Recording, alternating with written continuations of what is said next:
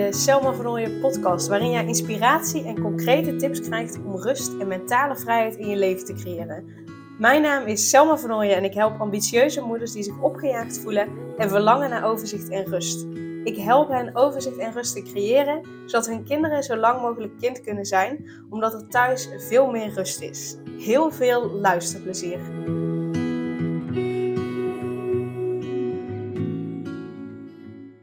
En ehm, voordat ik uh, in ga duiken in het onderwerp van deze podcast, vertel ik je eventjes dat uh, deze podcast uh, een week van tevoren is opgenomen.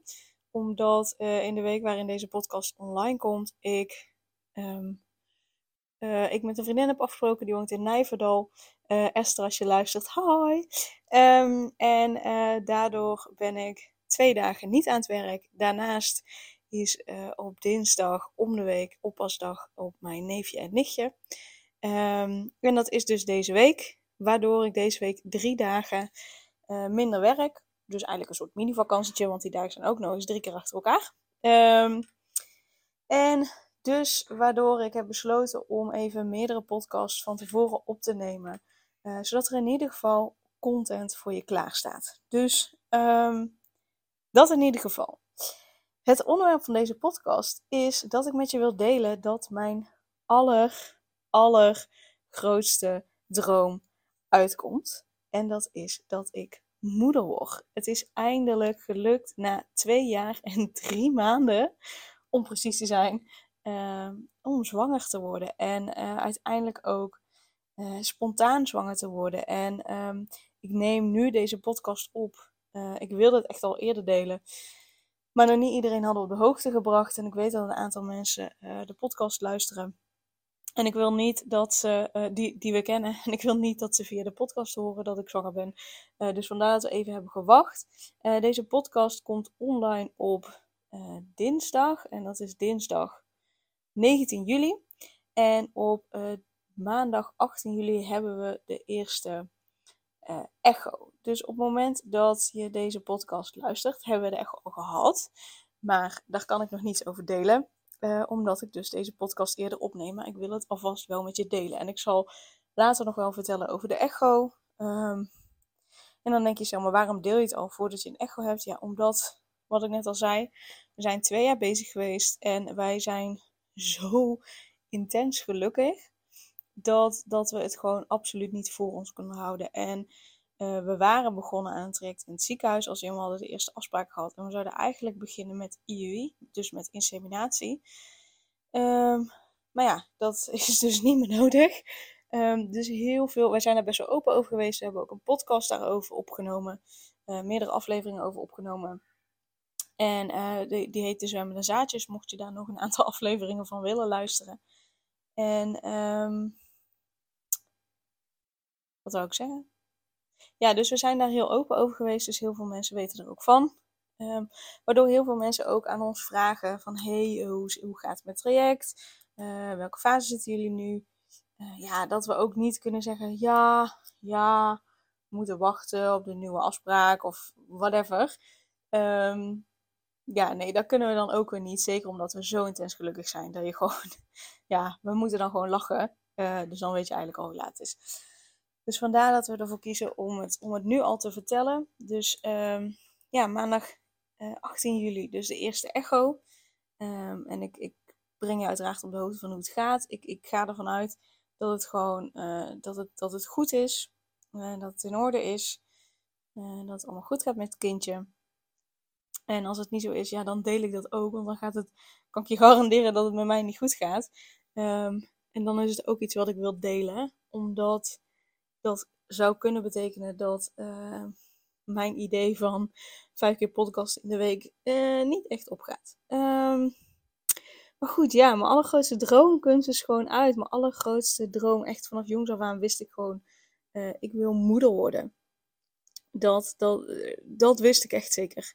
Heel veel dingen wist ik niet zeker. Maar dit uh, wist ik 100.000% zeker, ik wil moeder worden. En ik wilde eigenlijk jong moeder worden, maar uh, Daan was er nog niet klaar voor. En uh, nou, meer dan twee jaar geleden zei hij, nou, ik ben er klaar voor. Um, we zijn ook, we zouden eigenlijk april 2020 zouden we naar Vietnam gaan. maar goed, toen kwam corona in februari naar Nederland. In maart werd al duidelijk van, nou ja, dat gaat hem niet worden, Vietnam. En uh, we hadden afgesproken als we in Vietnam zijn geweest, nou dan daarna, dan, uh, dan gaan we uh, beginnen met, um, ja, met ons best doen, zeg maar, om kinderen te krijgen. Um, en toen was het maart en toen wisten we dat we niet naar Vietnam zouden gaan. Toen heb ik ook tegen Daan gezegd, ja, ik, ik, wil het nou niet meer uitstellen. Geen idee hoe lang dit allemaal gaat duren. Um, maar ik wil het niet langer uitstellen. wie weet hoe lang het duurt ben ook de jongste niet. Uh, ik word komende februari word ik 33, dus ik ben 33 als ik uh, voor het eerst moeder word. Um, dus ja, dus dat, dat, dat wil ik niet. Dus, uh, maar goed, ja, dat ging niet helemaal vanzelf. Dus, um, maar goed, uiteindelijk is het wel gelukkig vanzelf gegaan. En heel eerlijk gezegd hadden we het alle twee niet meer verwacht. dat het zonder het ziekenhuis zou lukken. Uh, maar goed, ja, we zouden eigenlijk met inseminatie beginnen, maar we waren op vakantie. Um, dus we zouden met IUI gaan starten in mijn natuurlijke cyclus. Dus ik moest uh, uh, ovulatietesten doen. Op het moment dat ik een positieve test had, dan moest ik bellen naar het ziekenhuis en dan een afspraak maken voor de dag daarna. En dan uh, moest s ochtends de zaad inleveren en dan werd dat later op de dag bij mij ingebracht. Um, en um, ja, wij zouden net wel net niet op vakantie zijn. Het was na ons feest. We hebben 28 mei ons huwelijksfeest gegeven. Um, vorig jaar zijn we getrouwd, maar toen konden we het feest niet geven vanwege corona. En dat komt dit jaar gelukkig wel. En daarna uh, ja, zijn we eigenlijk op een soort van tweede huwelijksreis geweest. En we zouden net wel net niet uh, nog op vakantie zijn. Dus we zouden of net nog op vakantie zijn, of uh, net terug zijn van vakantie. En ze hadden besloten dat ik wel uh, de ovulatietesten ging doen. Maar als hij positief zou zijn terwijl we op vakantie zouden zijn, dan zouden we daar niet voor terugrijden. Omdat we niet willen, wilden, in ieder geval dat ons leven helemaal uh, stil zou staan door het traject. Um, dus hadden we besloten van, nou ja, dan, dan gaat het deze keer voorbij. Dan is het gewoon volgende maand. Dus ja, er was een ovulatietest op vakantie. Die was positief. Um, dus hadden we al besloten van, nou ja, dat, uh, dat gaat hem niet worden. Nou, daar hebben we dus zelf maar gebruik van gemaakt. En uh, ja, dat is uh, uiteindelijk dus goed gegaan. En twee weken later, want bij mij is het iedere maand, eh, als mijn menstruatie kwam, ja, de ene keer kon ik het makkelijker loslaten dan de andere keer. En nu kon ik het goed loslaten, want ik dacht echt, ja, het zal wel niet, dat kan echt niet. En we starten volgende maand toch met IUI, dus dan... Uh, ja, dan komt het dan wel een keer goed, maar dit, uh, dit wordt hem toch niet. Dus ik kon het loslaten totdat het uh, uh, maandag was. En toen was ik drie dagen over tijd. in principe, meestal duurt mijn cyclus 26 dagen met een enkele keer een uitzieter na 29 dagen. En de cyclus daarvoor was mijn cyclus 30 dagen. En ik zat nu op dag 29. Toen dacht ik, nou ja, dat kan nog. Maar uiteindelijk, later in de ochtend, ja, toen werd ik weer een beetje onrustig. En toen dacht ik, weet je wat, ik doe gewoon een test. En dan, um, ja, dan, dan zien we wel. Uh, maar dan weet ik in ieder geval, ik ging er eigenlijk vanuit dat het een negatieve test zou zijn. Dus ik dacht, ik doe een test. Als ik een test doe, dan weet ik, als die negatief is, dan weet ik gewoon, dat is kloten. Maar dan kan ik het loslaten. En dan kan ik weer verder met mijn leven, zeg maar. In plaats van dat ik continu bezig ben. Zit er wel bloed in, zit er geen bloed in. Zit er wel bloed in, zit er geen bloed in. Dus uh, ik deed die test. ja, en die bleek dus positief. En ik had een test uh, die ook aangaf van uh, hoe, lang je dan zwanger bent. En uh, dus ik had op dat ding geplast. Ik had dat ding naast me op de grond gelegd. En al vrij snel stond er een plusje op. En toen dacht ik, een plusje? Dus ik keek in dat ding. Maar goed, daarna moet hij nog laden. Want dan geeft hij aan hoe lang je bent. En toen dacht ik, nou, dat zal, zo, dat zal wel fout zijn. Dat zal zo wel een minnetje worden. Dus ik was echt nog steeds gewoon in de volle overtuiging dat die negatief ging zijn. En uh, nou, ineens stond daar twee, drie weken op. Toen dacht ik echt, oh my god. En ik kon het niet geloven. Dus ik ben echt, want we waren in, uh, we waren in Hasselt. Uh, daar moesten we zijn voor Daan, Daan zijn bedrijf. Dus ik heb in Hasselt, in de biep, test gedaan zonder dat Daan het wist. Die had al geappt uh, gaat het. Want hij dacht dat ik ziek was geworden omdat het zo lang duurde. Want hij was op mij aan het wachten, want we zouden naar huis gaan. Ja, en ik storm die wc uit, ik storm de biep uit, want daar was buiten aan het wachten. ja, en ik kon niet eens vertellen wat er was. Ik, uh, ik, uh, naar, ik had alles in mijn tas gegooid. Ik rende naar buiten, ik wenkte Daan en ik, deed mijn tas open en ik stond helemaal te shaken en te trillen. Dus ik geef, ik geef die test aan Daan en ik moest keihard huilen. Echt. Daan dacht echt, wat de hel is hier? Dus die, had ik even de tijd nodig voordat er iets moest, voordat hij door had. En ik, ik zei de hele tijd van, nee, nee, dit kan gewoon niet. Kan toch niet? Hè? Ik ben zwanger? Nee. Nee, dat kan niet. Dat kan toch niet? Dus toen zei Daan, want we zouden dus eigenlijk, we moesten nog plassen voordat we gingen. Uh, want ik had daar dus bij de kruidvat maar even, terwijl Daan dus voor zijn bedrijf bezig was, uh, een meeting, uh, um, had ik ehm, in de tussentijd, want ik moest zelf tijd overbruggen, uh, een, een test gekocht bij de kruidvat. En het was eigenlijk niet mijn bedoeling dat ik het tegen Daan ging zeggen. Maar goed, ja, dit, kan ik niet, niet tegen hem zeggen natuurlijk. Ehm,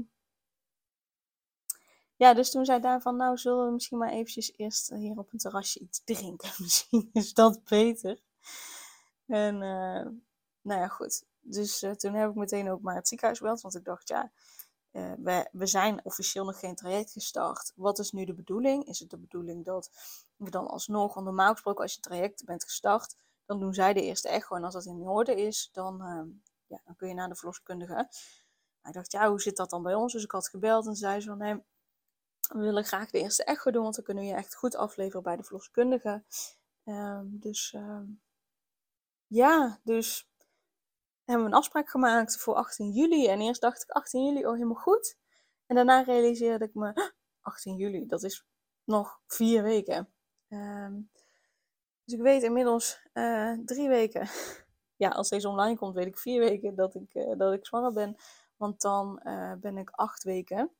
Dus in principe is het nu, ja, op basis van mijn eerste menstruatiedag, ben ik 26 februari uitgerekend. En um, maar goed, ja, dat kan natuurlijk nog veranderen. Dus eerst heb je de eerste echo. Te kijken of er wel daadwerkelijk een baby in zit. En um, of het er uh, één is of dat het meerdere zijn. En uh, inmiddels heb ik wel ook al een verloskundige praktijk gevonden en gecontacteerd. Omdat ik dacht van ja, uh, moet ik me al aanmelden of moet ik eerst het ziekenhuis afwachten? Nou, die hebben echt, ik had me aangemeld en uh, binnen twee uur belden ze terug.